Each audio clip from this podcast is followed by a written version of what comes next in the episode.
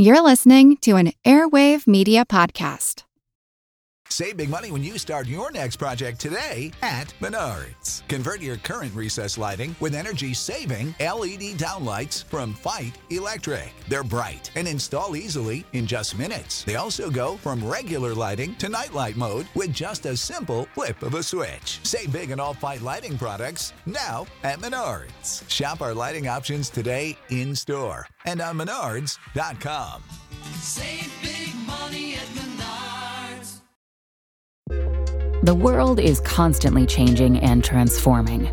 Cut through some of the noise with What's New with Wired, a podcast that goes in depth on the latest news and technology and culture. Their award winning journalism will help you make sense of what's happening in the world. Listen to What's New with Wired wherever you get your podcasts. That's What's New with Wired wherever you get your podcasts. This is Kick Ass Politics. I'm Ben Mathis.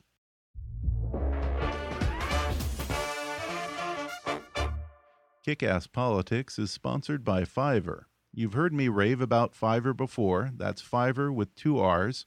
Fiverr is the world's largest online marketplace for services with over 100 categories all offered at a fixed base price of just 5 bucks. Logo design, business consulting, marketing, business cards and stationery, web design, translation, proofreading, legal consulting, and just about any other service you can imagine, all offered at a fixed base price of just 5 bucks.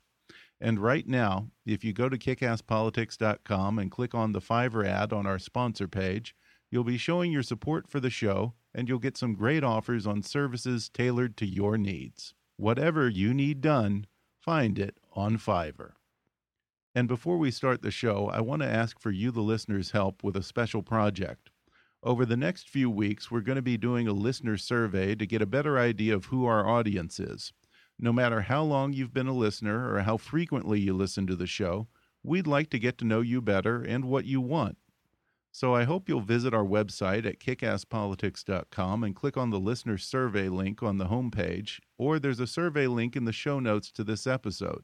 It'll only take 60 seconds. We won't ask for your personal information or put you on some list. I'm not going to call you up at supper time or fill your email with spam, I promise. In fact, you can even fill out the survey anonymously if you want. It's just a few quick questions to help us understand who's listening, and seriously, it'll be a huge, huge help to me personally. Thanks in advance, folks, and now enjoy the podcast. Hi there, I'm Ben Mathis, and welcome to Kick Ass Politics. My guest today is Mike Pesca. He's the host of The Gist, a wildly popular podcast from the folks over at Slate Magazine. And before that, he spent 15 years at NPR, where he served as national correspondent covering sports, culture, and politics. And he was the first NPR reporter to have his very own podcast way back in the early days of podcasting in 2005. Now he's the host of Slate's The Gist podcast five days a week, and he's a weekly panelist on Slate's Hang Up and Listen podcast. He's won two Edward R. Murrow Awards for excellence in electronic journalism, but he's perhaps best known for his daily op ed segment on the podcast, or as he calls it, The Spiel. Well, today he's on my podcast to deliver one of his signature spiels on everything from the House Speaker's race and the filibuster to online gambling and his ongoing battle with Starbucks over a reduced fat turkey bacon breakfast sandwich. Coming up with Mike Pesca in just a moment.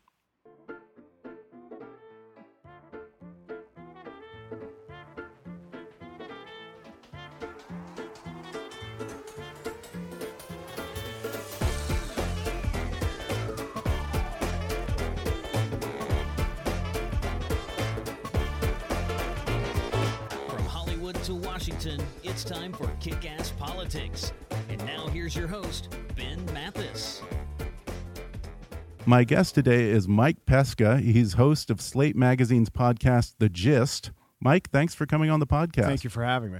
And thank you for ambushing me. I, I you walked into the room with your mic and your recorder on, and uh, you ambushed me and you asked me what was the question you asked me? You're asking everyone today. I'm asking everyone if there's one systemic fix for our political dysfunction. Everyone pretty much thinks that we're in a state of dysfunction. What would your what would your fix be? And yours was? Mine was uh, try harder not to be a jerk. Yeah. Now, that's an interesting question because you're the only one who, uh, by the way, I think that's good advice. And I did frame it as you could change the Constitution or just snap your fingers and be, be like God and get your wish fulfilled. That probably would help things. Mm, five out of seven people have said, though, campaign finance people of all stripes. Oh, Yeah. they're more serious than I am, I guess. Well, So- I think it's because you know I I'm not just asking people who are casual. I'm asking political insiders, and I think they know what when I when I ask that question, they're saying, "What is the worst part of my job?" And that's it. You know, Yeah. trying to wrangle these donors, and both right and left have said that. You know, the solution Yeah. on the right is just don't have any rules because these, or I wouldn't say don't have any rules, but allow unlimited funding but disclosure, which I think is maybe even more logical than this hodgepodge of super PACs and black money, and it's no it's no answer. Well, yeah, because isn't it kind of BS this whole thing that we're going to actually have campaign finance reform and fix the problem? Because you know, money's like water, and one way or another, the money's going to get to the candidate. Yeah, and I think that you could even argue that the it has gotten too far, and I know that it um, obsesses politicians, and that's the majority of their job. But if you can't appeal to people who are big donors, I don't know if that's a disqualification for running for office, but it's certainly something. And it's also not the case that you can't run for office if you know you're not in the pocket of big business. That's you know that's a canard. So yeah, Yeah. I th- and and if you look at Canadian politics, they they they just um, are in they they wring their hands so much about the amount of money in their politics and the length of their it's the longest election season for a prime minister and it's like 70 something days. It's Yeah, so fun. So are Canadians just complainers? Com- canadian well yeah but they com- i don't know. I, I think the canadians are just like us only uh, a little bit better and a little bit colder. Uh, the uh, colder, you mean the people or the climate? no yeah i mean their their actual body Oh, okay.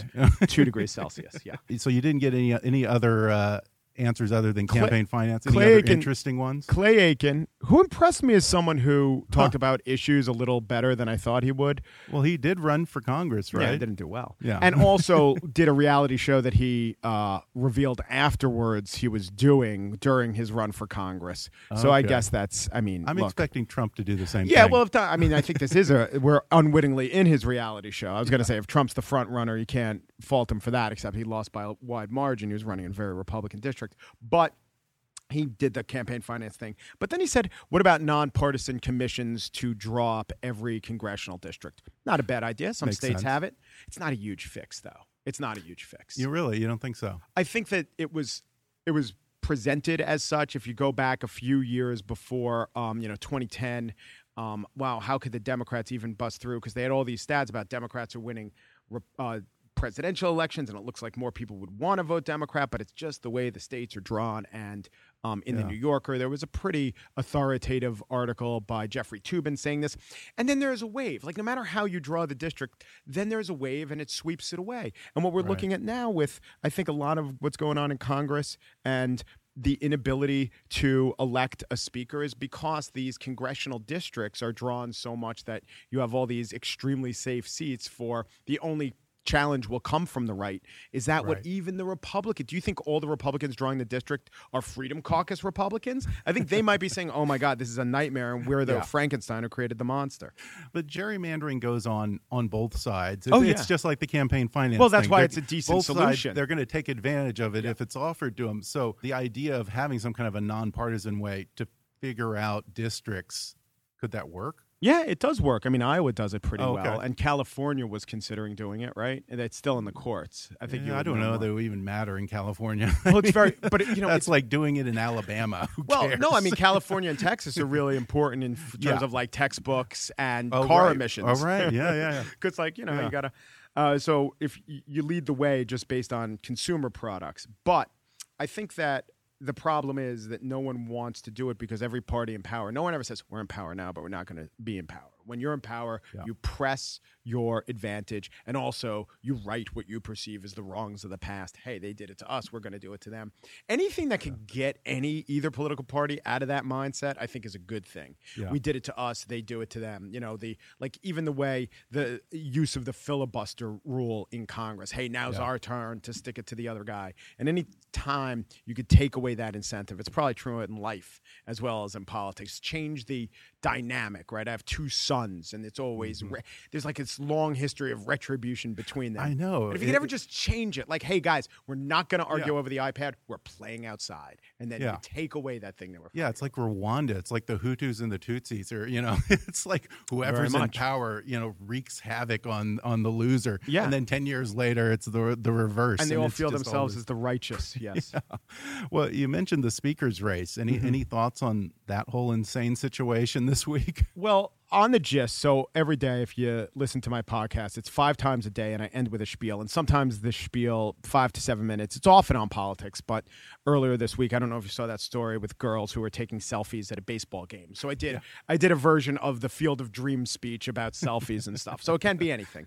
But I was talking about this, and I have to say that the Freedom Caucus, their big agenda items, I disagree with. I think the Ex-Im, ba- Ex-Im Bank it's fine. Like, you know, I don't think it's terribly great or terribly bad. I think it's fine. I think it probably helps people. Funding Planned Parenthood, I'm in favor of. And um, uh, what are what's what was their other huge issue? Um, I don't know. Bitcoin. No, I've no. It, it just seems if you go down the list of the things, if you go down the list of the things they want, the agenda items, I disagree with them. But if you try to empathize with with what they feel like. They feel like the disenfranchised people who've won elections and can't get anything done. And the reason they can't get anything done is because all these rules of the Senate.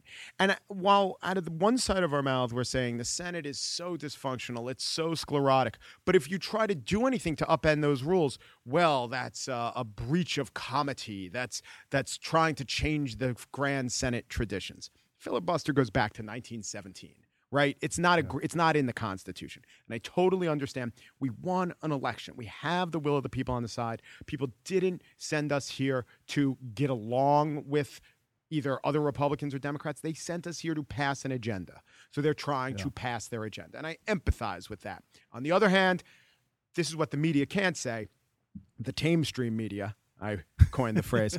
They can't say what the Freedom Party wants is wrong. I mean, maybe you think that they do, but I think in their even-handed way, they say, "Well, they're against the plan- what critics of Planned Parenthood say are this, but what Planned Parenthood defends is that." They can't flat out say, you know, these Freedom Party caucus members they want to defund Planned Parenthood, come hell or high water, and it's a bad idea because of X, Y, and Z. What they can say is there's dysfunction, there's chaos, there's so they could they're like film critics or, or theater critics. They could criticize the affect, but they stop themselves from talking about the root causes. And Yeah. the affect isn't is it's always going to flow from what the root causes are. Yeah, well, it, it's crazy to me that thirty or forty congressmen can basically run Congress at this point. But And I'm as not I talking pointed about out- the, the I'm right. not talking about the the so-called uh, you know the so-called insiders, the so- Fat cats. Yeah, the fat oh, cats. yeah. So yeah, yeah. So you have like these these thirty or forty guys who are who are pretty new in Congress. You know, they they haven't really cut their teeth on much. And it is funny that the main thing they want to do is end the filibuster because they hate the fact Yeah. that 40 senators can upend the will of the 60. So these Yeah. 40 representatives are trying to upend the rule of the 200 other Republicans in the House. That's their fix. yeah. No, but I understand the frustration. I think Ted Cruz is actually ideologically pure. But I think life and being an adult isn't about purity, right? It's not about purity of Yeah. vision. It's about, among other things, working and getting along and picking hills to die on. Yeah, and and I've had this conversation with a number of people. Is there just no such thing as negotiating? It's the only tool in our tool belt these days is if we don't 100% get our way, walk away from the table. It's like Right. that's that's not much of a strategy. Right. well, you know, I guess the Tea Party would say we've already negotiated. Like w- the fact that Planned Parenthood is funded to the extent it is for things other than abortions, which Yeah. I'm sure they disagree with. By the way, remember the time when it was like Tea Party? They're not really a religious party. I know they're. I know, know- they're not exactly perfectly religious, but there's a huge overlap between the family values crowd and the Tea Party crowd. But anyway, they'd say we're living in a state of compromise, and after a while, if you compromise with a compromise with a compromise, it's just called giving up. yeah. But I just think they're wrong. My point is, I think they're wrong. Not in general. I think they're wrong on Wrong the about issues. what? I think On that, the issue. Okay. Yeah, I think that you know, if I were, first of all, I like to empathize. I like to put myself in the. Uh, not just for strategic purposes. So take the issue of an abortion where I'm pro choice, okay? But I understand that someone who is against abortion thinks of it exactly as infanticide. Change the word from abortion mm-hmm. to infanticide. Then you'll never say something like, I believe in a woman's right to choose. To choose what? Infanticide? so I understand. Should they start using that term? Who? Would that be a good strategy? Pre-infanticide? It probably would be. You know what we're talking about. Well, they say baby killer, so Yeah. But the point is, so if you're the Tea Party and you're like, we are doing business, we are giving funds to this large infanticide provider, and sure, maybe they maybe they help, uh, you know. Maybe they help give s- breast cancer screenings to poor people, but can't we find another way to do it?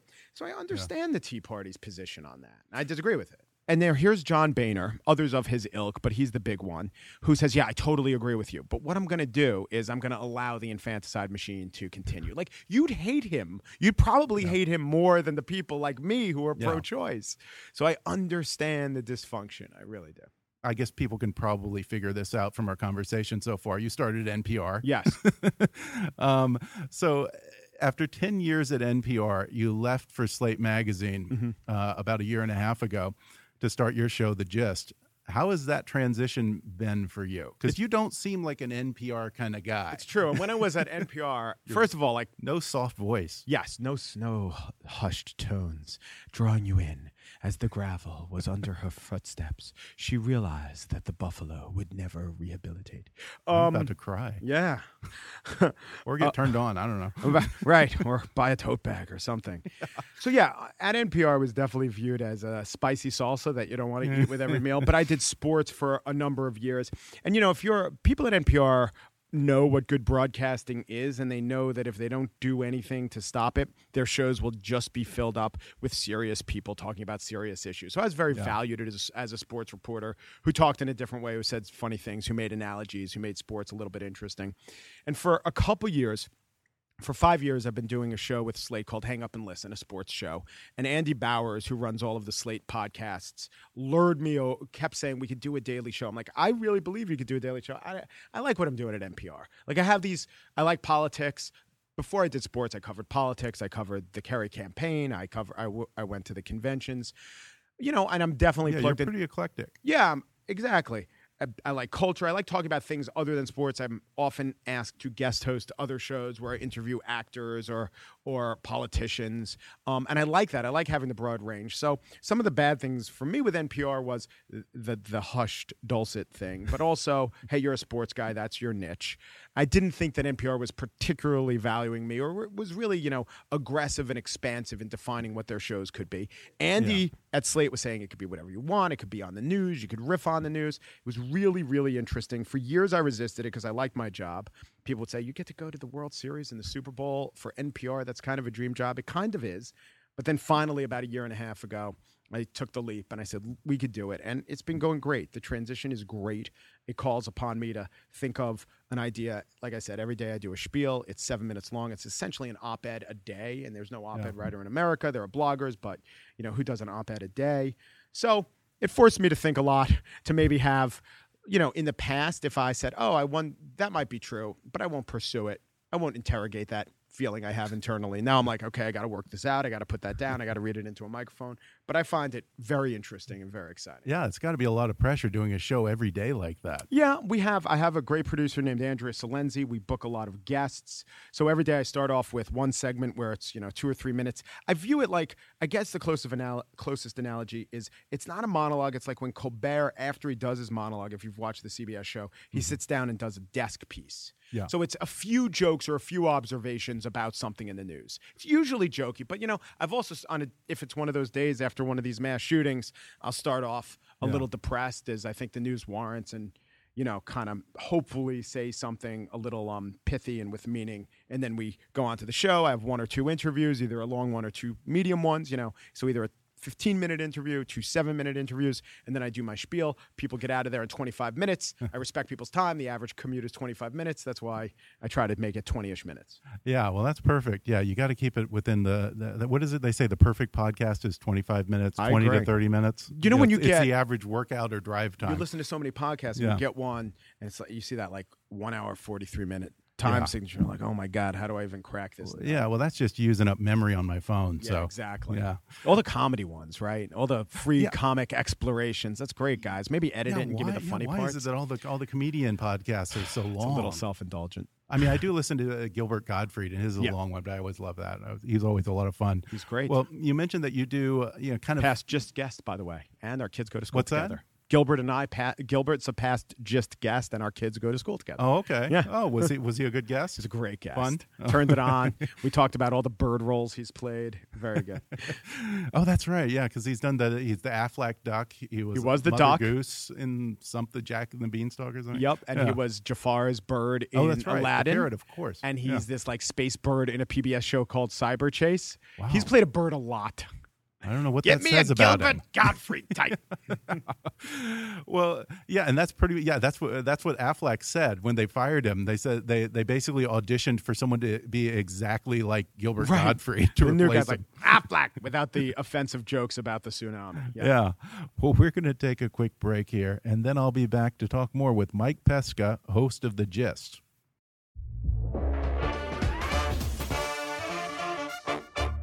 This portion of the podcast is brought to you by Audible. Audible has over 180,000 audiobooks available to download for your iPhone, Android, Kindle, or MP3 player. And right now, Kick-Ass Politics listeners can get a free audiobook download and a free 30-day trial. Just go to audibletrial.com backslash kickasspolitics or click on the sponsor link on our webpage at kickasspolitics.com and go get your free audiobook. And if you like Kick Ass Politics and want to help keep us on the air, then please support the show by making a donation to our GoFundMe campaign at gofundme.com backslash kickasspolitics. Or go to the show website and click on the donate link. Your support will help keep us producing new and interesting programs in the future. That's gofundme.com backslash kickasspolitics. And now, back to the show. We're back, and I'm talking with Mike Pesca, host of Slate's The Gist podcast. You mentioned that you do your spiel, which is basically kind of, I guess, you know, some people would say it's a rant or it's an op ed or whatever, Right. whatever's sticking in your craw Right. on that particular day. I, I'm sure you get this a lot, but uh, uh, do people ever ask you, have you always been this opinionated? Yeah, but I try to. Okay, when you're listening to one person spiel or rant or whatever, it's hard not to feel like you're being assaulted. But I maybe I'm deluded, but I really try to be open minded, and I also like to lay out my thought process and show the work. So I actually don't think my first mode is like first have an opinion. I actually ask more questions than I have an opinion. But then when, but it's also really satisfying. I mean, people want to hear. I mean, op eds do a few things. They can raise questions, they could reframe an issue, but sometimes it's really satisfying just to be like, I wish I'd said that, just to say the thing that people Yeah. are thinking. So after the Oregon shooting, I just took a bunch of clips from different politicians. You know, making the regular kind of excuses. And I said, now use these counter arguments in any social setting. So you hear Ricky uh, Ricky Rubio. Listen to that. He's the point guard on the on the Timberwolves. Yeah. You hear Marco Rubio saying, you know, once we uh, the problem with passing gun laws are that once we pass those gun laws, criminals don't respect gun laws. So there's no point in passing Right. gun laws because criminals don't respect them. And I said that is a great argument, not against gun laws. That's a great argument against laws. Why ban anything criminals don't respect? In fact, isn't that the definition of criminalization? If you keep doing it, you are a criminal. Yeah. So, what do you think? It doesn't Should we make ban sense. it doesn't make no. They shouldn't ban all. No? no. Definitely. Are there any laws that you want you would you wouldn't mind banning? Are there laws I wouldn't mind? Wouldn't banning? mind getting rid of, or, or just ignoring any law? Yeah, definitely. I think I think we were talking about California and Texas, but I go to California and I did a winery tour and they have like all these warnings about the copper in the bowl could kill you or you know all Uh-huh. these things that come on simple common sense says you don't have to have that warning up. Yeah. Sure, there are definitely This is Yeah. I did a rant on this. People, you know, who talk about regulation, which do away with regulation. No, let's do away with the bad regulation. the good regulation we don't even call regulation. I guess it's a It's just regulation common ag- sense. well, no, it's a regulation against murder. Yeah. That's regulated, isn't it? We don't allow stabbing to happen. Yeah. So we want the sta- but okay, even the even the regular laws, you know, when you build a deck when a commercial company. I live in New York. They have scaffolding on every third street. You have to build Yeah. it to code. I like code. I don't like onerous code. I don't like dumb code. And I even gave Democratic politicians advice. I said, you can show your credentials by saying this and saying, here are three regulations that aren't, it's, it, that have nothing to do with me trying to promote um, um, solar energy. Just these are just three dumb regulations that we could get rid of so that people can make more money. A politician should do that, right? Interesting. That might be a good bargaining chip if you were a Democrat politician. So you're saying, you know, there are some things that admittedly everyone, you know, even pri- at least privately, a Democrat politician could say, okay, this is kind of stupid. But because they're afraid of, uh, you know, reducing government in any way, perhaps You're maybe they- offending a labor union. Oh, yeah, offending Yeah. a labor union. Maybe if they were to give on this a little bit, then uh, Mm-hmm. And to- get a little to- bit of goodwill. And to signal that you're doing it shows, doesn't that burnish your credentials as someone who's not against regulation, just against dumb regulation? yeah. Yeah, I don't think we should. In the last debate, was it was it Christie talked about cutting the law? We cut we cut this many laws and that many laws. That alone means nothing. Doesn't Yeah. it matter the quality of the laws you Yeah. cut? The fact that that could get applause, well, I guess it speaks to the frustration people have, but it doesn't say anything. Great, you cut a law. Were there were they laws that we needed to protect us? Yeah, yeah. I mean, it's like we don't need a law to, to tell us that we don't put our, our babies in the dryer or Yeah, something. It's that's true. There's certain things that are just common sense. Um, interesting. So, uh, okay. So, so I guess, sorry, I just lost my train of thought. Does that ever happen to you on a podcast? Yeah, but I Does that ever drive you crazy? You must Nah, be. You must all have gotten past that by now. Only when you're with like a guest, you don't want to. Do Only when I'm starstruck like I am right now, you right. know. Like you said at NPR, you've kind of covered the gamut. Mm-hmm. You covered uh, news, sports, economics, culture, art, gambling. You had, you had a whole show on gambling. on-gambling how, did, how did you how did you land on that? basically when podcasts were invented Yeah. they i said hey let me do let me i quickly said what are they good for niche they're good for a lot of things but you Yeah. can really talk to a specific niche Yeah. this was a subject i, I knew a lot about before i worked for npr i started a, re, uh friends of mine and colleagues of mine tried to start a magazine called jack which was Jack Ace Queen King, which is a gambling magazine, Okay. a lifestyle men's magazine based on risk and reward. So Yeah. I knew a lot about gambling. I would always report on that. I'm like, I, I could do a podcast every week about that. So, but it was it was not, hey, here's who to bet in the Louisiana State game. It was more like Oh, I'd interview John Daly about his slot machine habits, or this was when my then wife and I, she was pregnant, and we'd go and we'd they'd give us the odds of Mm-hmm. in vitro testing.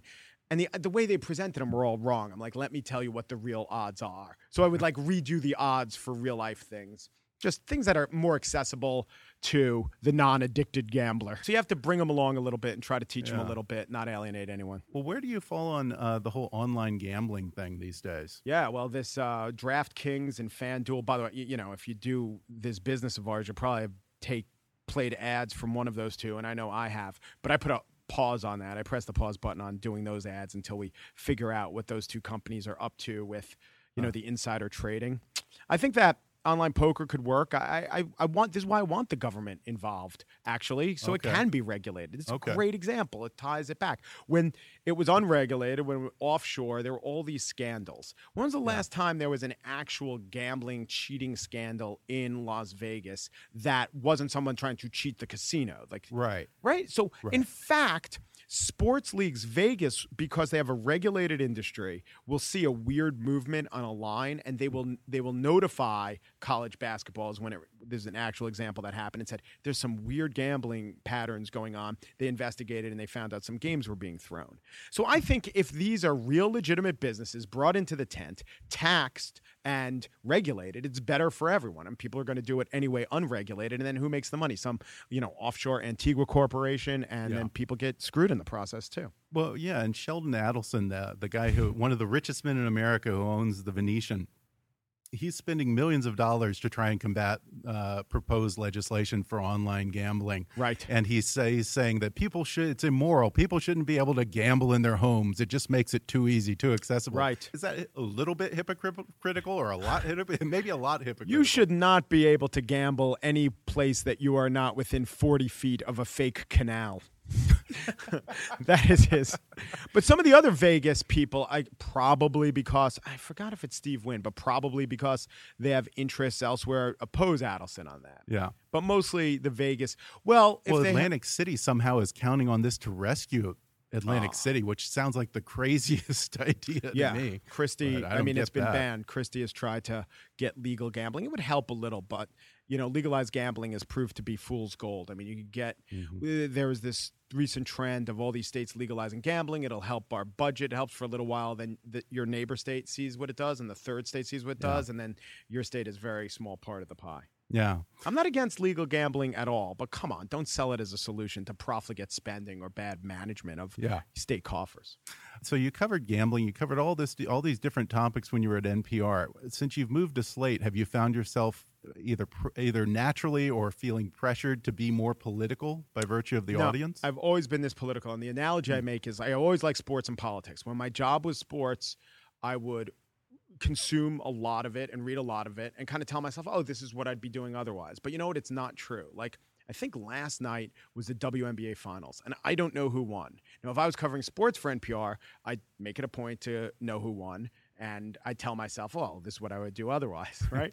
and if I was not, if I was a sports reporter, I would know that the Democratic debate was next week. But if you ask me, will O'Ma- O'Malley, Webb, and Chafee be in it? I might say, you know, I don't know. Will they be in it? But now I know they will. So yeah. and you just you just naturally more you have a You're lot just- of interests, and then if it's also your Yeah. job, you go a little bit deeper. So you're yeah, you're in tune. I mean, how much how much time do you spend reading the news in the A morning lot. before you do a podcast? Yeah, I drop off my son at school. I take the hard has to be an actual physical newspaper. Hmm. Um, I work out or I do like the do the uh, do the elliptical machine for a half hour, forty minutes, and that's a good amount of reading and germinating time. I make a list for myself of things I could talk about on the show. Before I did the show, I wondered, will I be able to get to a topic or two topics every day? And it's more than Yeah. that. So I think of three or four. Some are bad. That's why I don't do them. Some that are bad. And yeah, I've been able to generate in my brain Yeah. as much content as I need. I Well- wondered if I could, and I can. Yeah, no, you clearly can, and it's one of the most popular shows out there. You know, earlier in the week, uh, I don't know if this was a spiel or is just an opener for your podcast. You have a problem with Starbucks. Oh yeah, and it's really a big problem for you because they forgot part of your order, and when you went back, they Mhm. refused to fix it because you didn't have your receipt. So you I got Now- I got two wraps and a biscuit, Yeah. and they didn't give me my biscuit in the bag. So I went back. I'm like, guys, you didn't give me my biscuit, and I expected them to say, well, we can't give you a refund without a receipt. And I say, I understand that. You just give me the biscuit. My kids are here. They're Yeah. They're like, no. Like, what do you mean? What do you think this is? they thought you were trying to hustle them. Yeah, this is a hustle. This is my game. You're a grifter. Yeah, I'm playing the long game. So anyway, I announced that uh, my next five hundred dollars of coffee spend expenditure will be at places other than Starbucks. And I didn't want to be, you know, I don't want to be too indulgent. I only spent a few minutes on this. I didn't, it wasn't a call to arms. I didn't ask others to join me. But so far, it's been about a week, about forty dollars in. I'll get Is to five hundred. Not at all. You know, I don't know if you noticed this. There's a lot of coffee alternatives Yeah. besides Starbucks, and I like Starbucks. Yeah. Um, I will say that the Starbucks PR people or whatever their team tweet, tweeted me and say, "How can we make this right?" Oh, but I I, have haven't think they would. responded. I haven't responded because I made this Really? commitment and I'm going to follow through. The Oh, there's no negotiation. What are you going to ask for? so well after the 500 is done and All I show that I could do it, I'd like my biscuit. That's it. Just give me my biscuit. I think that they should name a uh, name a, a, a drink after you. Yeah, but then no I one think would that's know the least they size. can do. Like right, a venti is 20, a pesca, what's that? That's 18. Okay, I'll take a pesca. Oh yeah, that sounds that's kind of has a nice ring to it. It It's means peach in Italian. Italian. Yeah. Oh, there could be a pesca. If there's a pumpkin latte, there could be a pesca. Oh, there latte. you go. So okay, so why why only five hundred dollars? You didn't want to do a permanent ban? I'm not. I mean, I'm Okay, not, you don't hold I'm a not grudge. a martyr here. Okay. You know, I don't need to cut off my nose to spite my Yeah. caffeine intake. A- Anything else sticking in your craw these days? What's got your gut? yeah, Yeah, aside from Congress and Here's the, something the I speaker. just here's something I just wrote down.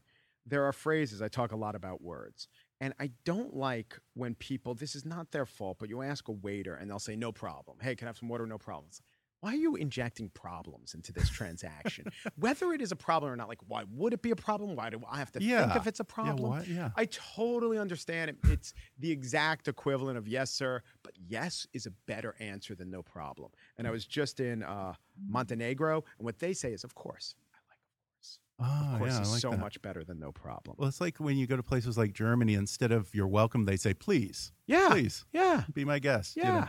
Yeah. I like that. Well, yeah, because no problem implies you, you know people are paranoid. People, Yeah. you know, p- passive aggressive and all that. That that makes people suddenly start assuming that maybe there might be a problem. Yeah. Oh, there's no okay, Maybe there's no problem with that. nice. Good. Woo. Yeah. Now I was worried. Or the next thing, the butter. What if there's a problem? I don't know. I can't ask for three things. Eventually, there's going to be a problem. If there's a, pro- this had nothing to do with our transaction. Well, before we go, you're the son of a Catholic and a Jew, That's true. and I think uh, what was the what was the phrase that you say? You're Catholic-ish or something like that. Catholic a little bit. Yeah. Um, do you suffer more from Catholic guilt or Jewish guilt? I don't have guilt. I don't. No I, I don't. guilt. Does that make you a sociopath? No, I know. I just keep myself in check, but guilt's not Okay. guilt's a not a main part of my comportment. I'm not an anxious person. I have I think I have a condition called anandamide, I think it's pronounced. It was written up as the happiness gene. But I just don't I'm I'm I'm a little scattered. I am not I don't have great attention to detail. My girlfriend does. We make an excellent team. But I have I'm generally so they said the three things about her very low anxiety, tend to overeat. It is true. When I start to eat and I keep going, and uh, do not like the effects of marijuana, and that is also true. Like I have all three. I thought I might have. I might sort- have that too. You don't? Yeah, yeah. Are you? You're not I- an anxious person in general? Uh, you know, uh, almost to a fault. I, I have, I have too fault, many people who are saying, "Why aren't you worried about this? You know, Right. why aren't What you worried about this parking ticket?" if you can't do anything about it, what's the point? And Yeah. anxious people say, "Well, it's not about that. I can't help it." Like, I guess I can't help it either. But on the other side, you're the same way. Well, That's yeah. why we do podcasts. Is that why we do podcasts? I think so because you. It I know you like know why you be. do. I don't know why I. Well, am. it seems like- started as a hobby. Okay, that's it. The very first, instead of saying, What about all those things that could go wrong? Yeah. You said to yourself, That seems like fun, and I'm sure I'll figure it out along the way. And if it doesn't work, no big deal. So it, it does seem like a general, that's when that mirrors how I start the first podcast I did on gambling. Instead of thinking about all the stuff that could go wrong, I thought about the stuff that could go right, and you told yourself, Then I'll figure it out. I think that's, I think it's anandamide. Well, you seem. Yeah, you definitely seem to be figuring out. You're doing fantastic. Uh, the show is called The Gist from Slate Magazine and Mike Pesca. Mike, thank you for coming on my podcast. And uh, thank you for, I guess, putting me inadvertently on your podcast. You're welcome, and thank you. Well, thanks again to Mike Pesca for taking time from the gist to come over on my show, and thanks to the folks over at Politicon for hosting our interview. You can check out Mike's podcast, The Gist, from Slate Magazine on iTunes or go to slate.com. Be sure to subscribe to the show on iTunes and leave us a review. And don't forget to go on our website or click on the survey link in the show notes to take that listener questionnaire for me. I really want to get a feel for who our audience is, and if you just take a minute to fill that out, that'll be a huge help to me. If you like what I'm doing here, then I hope you'll support Kickass Politics by making a donation on the website or go to gofundme.com backslash kickasspolitics. Because starting last week, we're now ramping up to two podcasts a week, but that also means it's costing twice as much, most of which comes out of my pocket, to be honest, and I'm happy to do this show because I enjoy this. But if you want to pitch in, that's always greatly appreciated and really shows me that you value the effort that I put into this every week. So if you want to help out, you can donate on the website or go to gofundme.com backslash kickasspolitics. And as always, I welcome your comments, questions, gripes, and suggestions at comments at kickasspolitics.com. In the next episode, I'll talk with former Republican presidential candidate and Congresswoman Michele Bachmann. And she's got a lot to say about the nuclear deal with Iran, the Tea Party, Syria, the president, and the Republican candidates in 2016. So you don't want to miss it coming up in the next podcast. But for now, I'm Ben Mathis, and thanks for listening to Kick Ass Politics.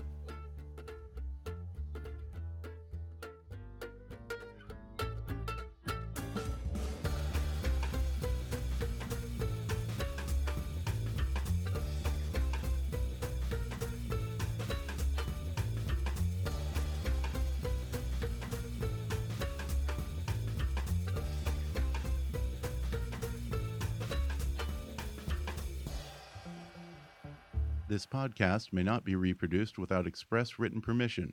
Kick Ass Politics is a trademark of Mathis Entertainment, Inc.